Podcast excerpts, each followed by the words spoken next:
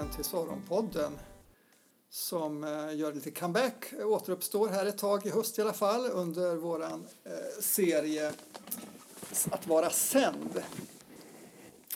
Där vi under några veckor kommer att eh, reflektera och samtala och tala om oss som kyrka och som individer och vad innebär det egentligen att vi är sända av, av Jesus.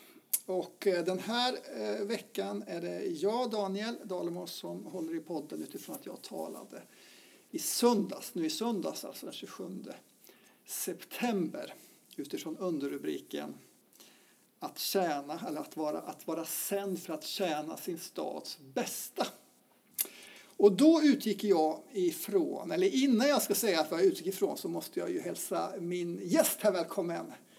Eh, Emil Mattsson, Tack. Välkommen. Tack, tack, Roligt att du kunde komma ifrån eh, ditt jobb mm. för att samtala lite grann om detta. Du är medlem här i Saron och då direktor på Räddningsmissionen. Innan eh, jag ska släppa lös dig så vill jag bara knyta an lite grann till söndagen. Eh, där eh, vi då utgick ifrån en text som handlar om att Eh, hur, hur Guds folk, hur det judiska folket hade varit med om krisen när Jerusalem blev eh, invaderad och eh, människorna fick fly ut i bergen och framförallt blev många bortförda till ett främmande land då, i Babylons som var stormakten. Där blev de förmodligen placerade tillsammans med många andra folkslag som också var deporterade för att Eh, bygga upp delar av landet som ju hade raserats där i kriget mot Assyrien, som ju var stormakten innan. Eh, nu var de här i ett främmande land med främmande kultur, främmande kläder, främmande religionsutövning inte minst. Eh, och Eh, det, det fanns naturligtvis en stor oro, en stor kris och kaossituation och en stor klagan bland folket. Hur kunde detta hända? Hur kunde de få uppleva detta? Klagan just tog sig uttryck sen i klagovisorna i Bibeln. I en sån situation så ropar man ju efter hopp. Man söker efter röster som anger hopp av något slag. Och då fanns det ju röster, personer som sa att det är inte så farligt, det, här kommer snart ordna upp sig, inom ett par år så kommer ni vara tillbaka igen i Jerusalem och allt är som vanligt igen. Och det var ju tröstefyllt. Problemet var att det var samma röster, samma personer som i Jerusalem innan hade sagt att det är ingen fara, stan kommer inte bli invaderad, vilket ju ändå hände. När då Jeremia får höra om detta som befinner sig i Jerusalem eh, om dessa falska hoppingivande röster eh, så skriver han ett brev till dem. Och det är ju detta brev vi, eh, vi läste i söndags och talade utifrån. Ett brev som talar om ju att ja, eh, Gud vill verkligen ge er eh, välgång och frid. Eh, ni kan vara övertygade om det, att Gud har hopp för er. Men nu får ni inte förneka er situation igen utan nu får ni ställa er in på att ni kommer vara där i ja, 70 år. Och eh, ställa, er in på att leva era liv där. Och nu blir det uppgift att bygga hus och plantera trädgårdar, bo där, sök stadens frid och välgång. För går det staden väl kommer det också gå er väl. Så be och arbeta för staden och samhällets blomstring.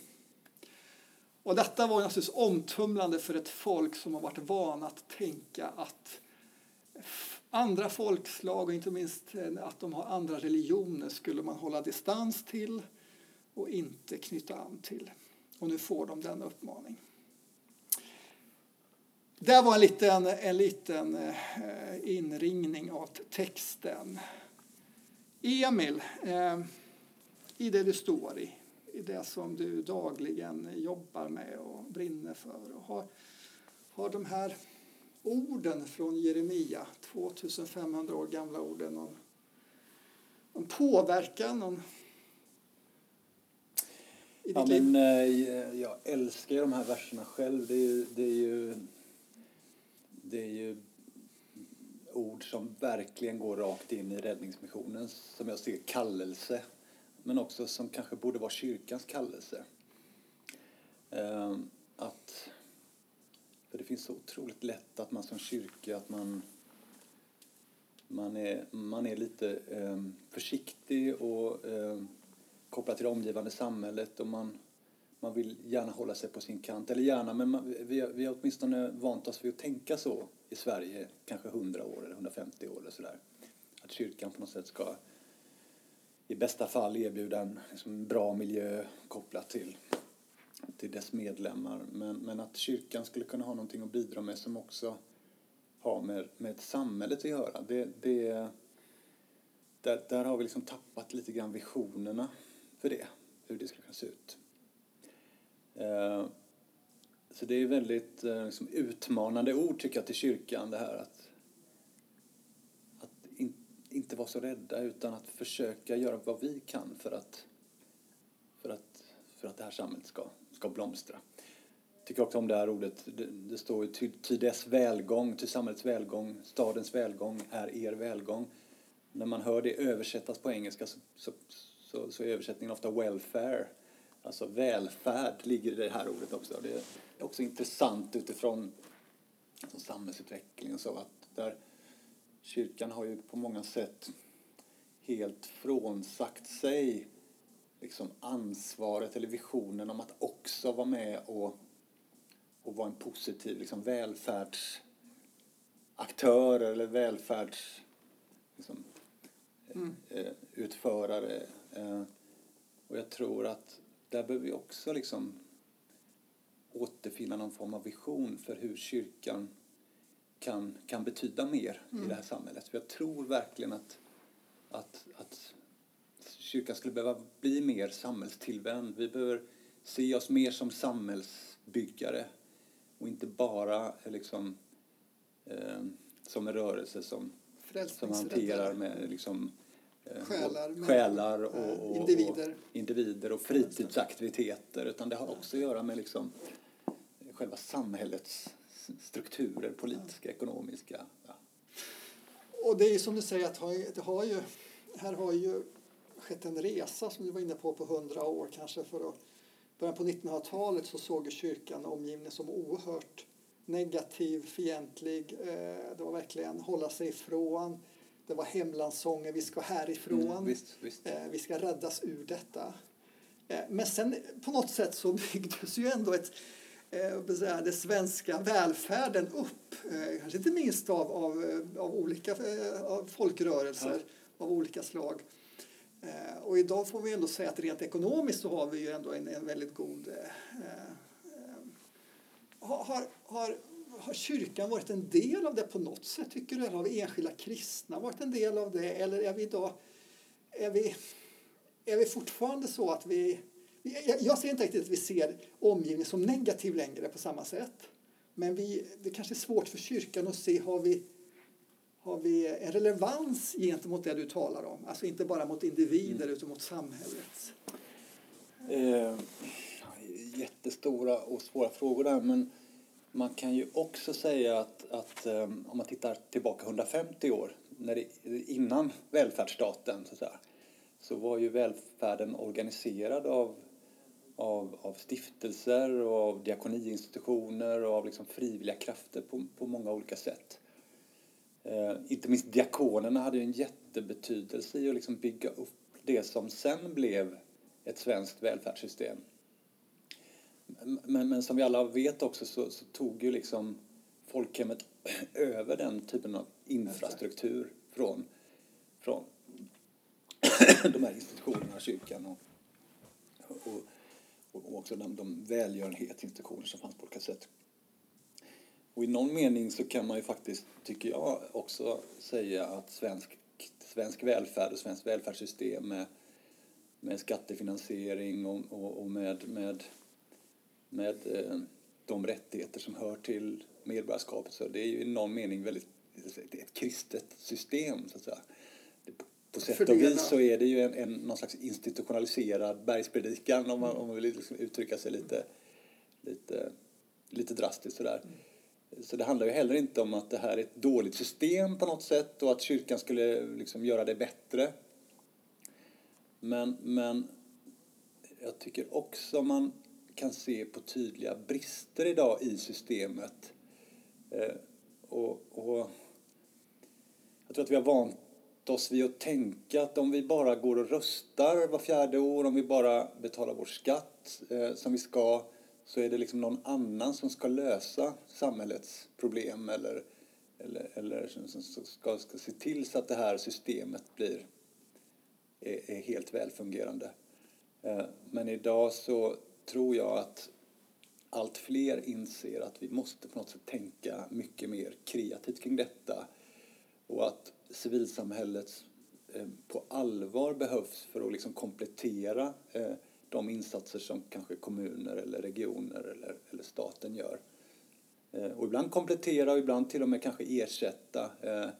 Men, men vi måste på ett mycket mer tydligt sätt liksom ge oss in i Släppa i, loss i välfärdsutmaningarna. entreprenörsandan. Absolut. Ehm, och det här vet vi att du och Räddningsmissionen och ni har nätverk kring detta. Entreprenörskap och så. Vad, vad, vad är din och Räddningsmissionens erfarenhet av att vara en sån aktör i Göteborg gentemot myndigheter, tjänstemän och annat? Vad, vad, Är det en men jag tycker, tas emot? jag tycker ju att Räddningsmissionen, det, något, av det, något av det mest spännande med vår organisation det är att vi är inte så lätta att få fatt på vilka vi är egentligen. Alltså vi, är, vi är, kan vara lite kameleont och lite hybrid. Och, alltså, vi är väldigt mycket en både och-organisation. Mm. Uh, vi är kyrka i någon mening, men vi är också icke-kyrka i någon mening. Och, vi är en del av det offentliga i någon mening och vi är absolut fria i någon mening och, och vi är eh, liksom också företag i någon mening men vi är också eh, liksom förening och helt ideella i någon mening. Så att, eh, det är svårt att stoppa i ett fack helt enkelt. Ja, det är det och det gör också att vi är ganska bra på, på att liksom knyta till oss olika liksom, aktörer i samhället och resurser i samhället och också skapa kluster tillsammans där som kanske kan vara lite oväntade egentligen. Att, att plötsligt så hittar aktörer varandra eh, genom att vi kan liksom vara med och, och liksom, eh, mm. rigga för det på olika sätt. Vad, vad skulle du säga vad är likheterna respektive olikheterna eller fördelarna, nackdelarna eller möjligheterna eller så att vara just den här typen av organisation som ni är eller att vara en kristen organisation? Uh, Vad är skillnaden mot att vara en annan typ av... Ja. Mm. Nej, men jag tror faktiskt att det kan vara en fördel att vara just det här. Vi, det kan vara svårt ibland som enskilda församlingar eller enskilda samfund att, att ge sig in allt för nära det offentliga till exempel.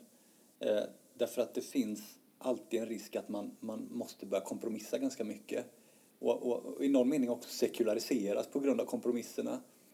Eh, eh, jag tittar på exempel när vi, vi bedriver ju ganska mycket upphandlade verksamheter och då är det ju kommunen i någon mening som, som, som äger själva verksamheter och ställer krav på hur man ska arbeta. Eh, det finns regelverk och lagstiftning och, och, och, och liksom 300 policies som man måste, man måste liksom anta och implementera. Och, och allt det där vi är så vana vid att, att liksom lite grann kompromissa hos oss. Så det, det, funkar, så att säga. men det kan vara svårare för ett inom situationstecken mer renlärigt samfund eller en mer renlärig församling att göra den typen av mm. pragmatiska överväganden. Mm. Eh, och samtidigt så vill vi också, och vi, vi jobbar jättemycket med att inte förlora oss själva i det. Det är också väldigt lätt hänt och det är många liknande organisationer som oss tycker jag som, som lite grann tappar sin själ. Mm. Eh, plötsligt är det bara, blir man inte så mycket mer kanske än ett, än ett ganska anonymt eh, eh, ganska anonym non-profit organisation så att säga. Mm. Utan vi vill ha kvar eh, vår kristna identitet och våra kristna rötter. Men det är just i den spänningen vi hela tiden vill leva. Så. Och, där, och därför tror jag att man måste, när man pratar om kyrka så tror jag man måste tänka samfund och församlingar. Man måste också tänka sig att det finns rörelser under kyrkan mm. som kan vara lite mer så här mm. eh, eh, våga vara lite mer både och organisation. Och vi är en sån lite ja. pragmatisk både och organisation. Och det är vi väldigt glada över att, att vi har här i Göteborg. Eh, det, det, är någonting av utmaningen eh, kring vad, vad, är, vad ser du som möjligheten, det goda i att liksom ha sina, sina rötter i Gud, i, i någon slags sändning av Gud, någon slags uppdrag ifrån, eller Guds... Eh, ja, men det, det, det är klart att det finns ju, eh, eh det gör ju hela skillnaden tycker jag för oss. Att eh, jag kan tänka på det ibland, senaste decenniet eller decennierna så har blivit alla företag ska på något sätt hitta sin egen värdegrund och så skickar man iväg cheferna till någon kursgård och så sitter de där ett par dagar och så jobbar de med post-it-lappar och sen ska de liksom formulera sina kärnord och så kommer de hem och säger att men nu är vårt kärnord eh, så här, ödmjukhet och humor och glädje och allt vad det är. och det, det blir lätt lite hittepå för det handlar ju, alla vet ju att det till syvende och sist handlar om att sälja de där mm. skrivarna eller, mm. eller producera de där tjänsterna och sådär och det, någonstans så är det ju ägarna som vill ha avkastning på sitt kapital. Eh, eh, men där jag kan känna en sån otrolig stolthet över att när vi ska formulera våra kärnvärden och våra värderingar så, mm. så hämtar vi dem i, i, i, vad vi faktiskt tror är själva verkligheten. Mm. Nämligen att Gud har skapat den här världen. Eh, Gud älskar varje människa. Varje människa är oändligt älskad, oändligt värdefull. Och det blir, liksom, det blir bärande för hela organisationen. Eh, sen hos oss är det så spännande då för att vi, majoriteten av våra medarbetare skulle jag nog tro, inte har någon så aktiv kristen tro eller så. Och hur jobbar man med det då? Mm. Att, att liksom... Eh, och, och, där, där försöker jag säga ungefär så att men, ni får lita på att Räddningsmissionen tror. Och Räddningsmissionen tror väldigt mycket. Räddningsmissionen tror verkligen där att, att eh, Gud, Gud är ett kärleksfull gemenskap. Eh, varje människa är skapad till Guds avbild. Eh, den helige Ande förnyar och ger kraft. Det, det är sånt som Räddningsmissionen tror. Och jag, jag har all respekt för att du inte tror det. Så här, du, för dig kanske det är helt liksom, eh, obegripligt det här.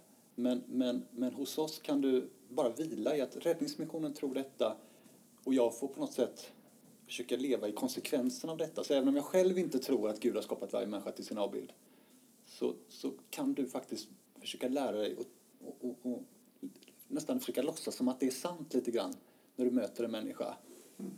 Det är inte bara liksom en, en, eh, någon slags kemiska tillfälligheter som du möter utan du möter alltså, försök att tänka att den du möter liksom, på något sätt eh, är helig mm. eller, eller, eller är släkt med Gud, även om du inte tror på Gud. Alltså, och, och, jag tycker att det är, det är så spännande att få vara lite frimodig där och, och, och, och vi har goda erfarenheter av att det, det att också våra medarbetare vill finnas i sammanhang där man tror mycket även om man själv kanske inte tror så mycket ja, själv. Spännande. Jag tänker, du, du hänvisar ju till liksom något slags teologiskt fundament där, att, att eh, varje människa är skapad till Guds avbild. Och detta. Jag tänker ett annat perspektiv som ju är en slags Guds ja, frälsningsplan, Guds eh, återerövring av världen, återställelse av en värld som, eh, som, som har vänt honom ryggen och därmed får konsekvenser på alla möjliga håll. Då. Att, att, eh, att, att den frälsningsplanen kan ligga hand i hand med att vilja en stad, ett samhällets bästa. Mm. Eh, att, att, den, att jag i det faktiskt också då kan samarbeta med aktörer som inte har Verkligen. den ingångspunkten men som vi har. Ja. Eh, och veta därmed också att resultatet till slut står Gud för ytterst en gång. Men vi är med och bidrar i det. Ja. Och det är ju väldigt spännande. Då är det verkligen inte bara som vi var inne på förut, det handlar om enskilda människor som ska räddas från någonting, utan det handlar om en förvandling av ett samhälle som Gud till slut ska slutföra. Eh. Nu har vi pratat lite grann om, Räddningsmissionen som organisation. Det är en kristen, jag är pastor i en kyrka. Det är inte så svårt att se att, att kanske det att det finns någon slags uppgift, sändning ifrån Gud i det. Eh, Förstån. Men både du och jag har haft, många, eller haft andra jobb. Mm. Eh, du har jobbat som lärare. Om, man, om, om det är ens vardagsliv att vara lärare eller något annat jobb. Eller hur, hur, när du själv var lärare, hade du samma hade du liknande tänk då eller har det stärkts nu? Eller kunde, man, kunde du se någon slags det här är min uppgift, det här är min sändning av Gud, det här är min om vi ska använda ordet mm. kallelse eller vad vi nu ska använda för ord, eh, som också bidrar till den här eh, stadens bästa, förändringen av ett samhälle. Eller svårare där att, med sitt ja, yrke ja. se att jag kan vara med och, och bidra i det? Nej, men jag tänker väl att, eh, att, att vi är skapade eh, sådana vi är och vi har olika uppgifter och vi har olika kallelser. Eh, och att vi måste lita på att, på att det inte är en slump att, att, att, att jag befinner mig just där jag är. Eh, och det är klart att om man, om man tar yrkesmässigt, jag kan tänka mig att det finns yrken där det är enklare och svårare att känna den där meningsfullheten, att man är med liksom, mm. Mm. och bidrar till det här, det här goda samhället, den här förvandlade staden. Så där. Eh, och, och där, det, jag är tacksam över att jag, jag, jag har lätt att känna den meningsfullheten men jag har också respekt för att det, det är inte alla som kanske gör det alla gånger. Men jag tror att oavsett var man finns, om man så jobbar eh, åt att och, och sälja vapen till diktaturer eller, eller är, är lärare eller är, är ingenjör eller vad man är så får man väl eh, försöka eh, tänka att just där jag finns så, så kanske det ändå finns något slags spelutrymme där, där liksom Gud kan hjälpa mig att, att, att förändra eh, vissa processer i en riktning som kanske inte som, ja, eh, mm. som, kanske, som man kanske inte hade gjort utan utan tron eller så. Ja. ja, precis. Jag tänker så som du berättat, att ni som räddningsmissionsorganisation ständigt får vara i dialog med er själva, med partners som ni jobbar med. Liksom, här kan jag gå in i, det här kanske jag kan få skruva lite grann på, eller här kanske jag till och med får avstå av något skäl. Ehm, att, för att inte sekulariseras allt för mycket då, som du var inne lite grann på. Att det där är egentligen en, en liknande process som vi kanske var och en får stå i Ja, som troende, som kristna. Precis, liksom. jag får vara med och tjäna samhället, jag får vara med och tjäna mm. Gud och Guds rike i det här yrket. Men jag får också mm. ja, leva den här reflektionen. Mm. Och det där är ju jättesvårt för att det finns ju olika perspektiv i den här frågan. Nu, nu pratar vi ganska samhällstillvänt och, och, och, det finns ju också risker med det såklart. Just det. Vi skulle kunna valt en mer liksom, anabaptistisk hållning där, där, där vi liksom strävar efter, efter mer av renhet så att säga. Både i församlingsliv men också i våra yrkesliv så att säga. Eh, eh, och, det, och, och det, det, kan också, liksom, jag tror att vi behöver också lyssna från, på de, den typen av kritiska röster så att vi inte, det, det, finns en verklig risk att vi inte blir annorlunda liksom. Att vi, vi har, eh, eh vi som kristna, vi lever precis som världen förutom att vi träffas här eh, liksom, precis. söndagar precis. ett par timmar. Så att så, så igen, där tänker han också både och. Så att säga. Både, ja. Och det kanske var första förutsättningen att, att, att liksom se sig själv som Jesu lärjunge då inte bara när jag går och lämnar kyrkan utan när jag också går till mitt ritkontor eller eh, min eh, affär jag jobbar i eller vad det är för någonting. Eh, för eh, kan jag börja reflektera om mig själv som, som sänd av Gud här så kanske det också blir så börjar processen sättas igång. Att både eh, för det positiva men också ibland faktiskt mm. dra gränser. Ja, eh, vilket kan kosta på. Det är Ja. ju lättare att bara naturligtvis Såklart. eh, följa med i det här. Eh, Mm. Ja, nu är vi inne på eh, nästa söndags tema, att, att eh, vara sänd till sin arbetsplats, till med sitt yrkesliv. Eh, Söndagen därpå så kommer vi också beröra att, att vara sänd eh, utifrån eh, ett skapelseperspektiv till hela skapelsen. Eh, vi har berört individen, människan, vi har berört nu samhället, staden, men det finns också hela skapelseperspektivet. Och den är också intressant att koppla an till den här texten i Jeremia. Liksom. Du knöt an till att den engelska översättningen är welfare, alltså välfärd. Alltså det handlar verkligen om en blomstring, översätter någon annan tal. Vi kan ju se att den välfärd, den blomstring vi ändå varit med och skapat nu har stora bakslag i, i detta. Eh, och här finns ytterligare ett perspektiv in eh, för hela samhället i stort, men kanske också utifrån specifikt som kyrka i detta, att bidra visst. stadens bästa välfärd, men samtidigt se att detta är Guds skapelse och att då inte gå med på det som inte är det bästa på lång sikt. Eh, va, va, va, kan du bara reflektera lite grann kring det, i- kanske från ditt perspektiv, Räddningsmissionen eller kyrkan idag? Eh, vaknar vi upp där? Eh, vad, vad ser du framför dig att kyrkan skulle kunna eh, tydliggöra, eh, synliggöra ett tydligare tecken kring? Ja, det är Ännu en liten fråga. jättestora frågor. Eh, och, och när det gäller klimatfrågan, och det, det, klimatfrågan är inte den enda miljöfrågan heller tyvärr, utan det finns ju många relaterade frågor. Det är ju verkligen ödesfrågor för den här planeten. Och, eh, det har nästan varit lite skönt nu under coronan att man har nästan satt den frågan på paus i ett halvår. Eh, för att den är så tung, tycker jag. Eh, Och man vet inte vilka röster som är sanna men, men, men när man känner att det kommer så nära som att ens egna barn kanske tvekar på att skaffa barn själva därför att de ser att den här planeten om, om kanske bara 50 år eller Ja. 70 år Ja. inte är så himla Ja. liksom, eh, gästvänlig. Den, den, den tanken är ju, eh, den är ju, den är ju fruktansvärd Ja. eh, och, och ens liksom glänta på. Eh, och här kan man väl liksom kanske då kritiskt säga eller så att jag tror inte att vi som kyrka är så himla mycket bättre än det omgivande samhället. Eh, våra liv är nog inte så himla mycket liksom, mer klimatsmarta eh, än vad, vad, vad resten av samhället är. Eh,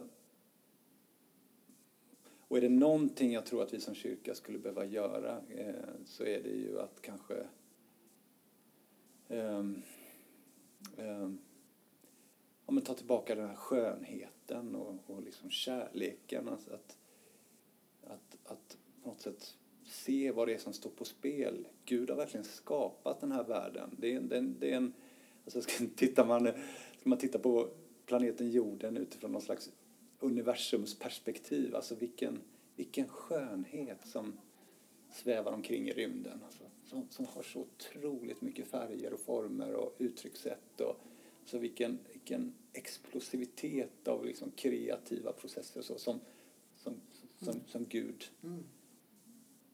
eh, har mejslat fram. Mm.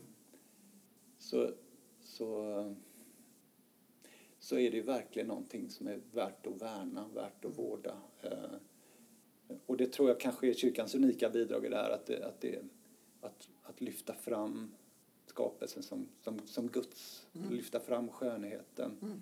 Eh, för för det, det hör man tycker jag inte så mycket i, i liksom miljörörelsen. Den kan ju ibland bli, bli lite liksom militant och, och eh, liksom ha någon slags aggressiv ton. Men här skulle man liksom också ja, lyfta fram det vackra. Precis.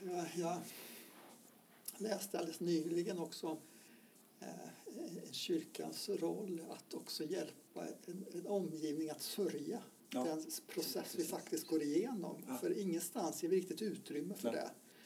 det. Ehm, och ett annat perspektiv i det här är ju också att, att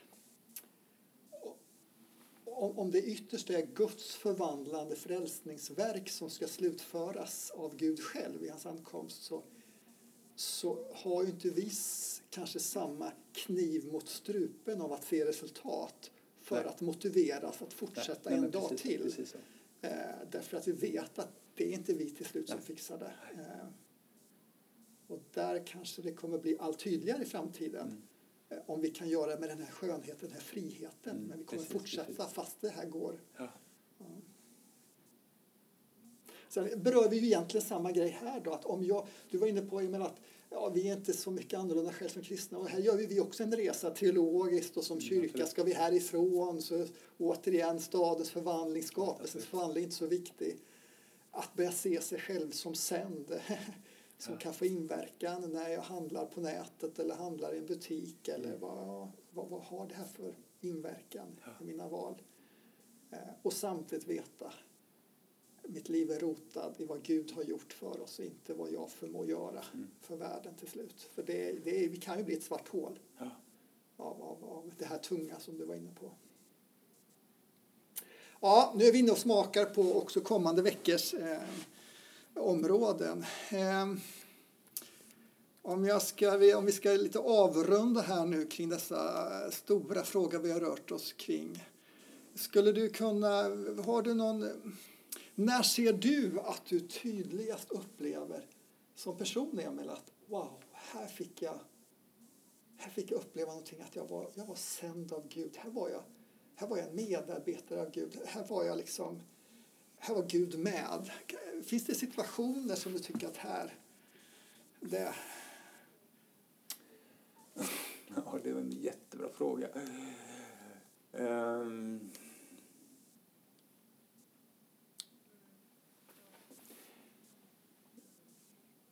Um...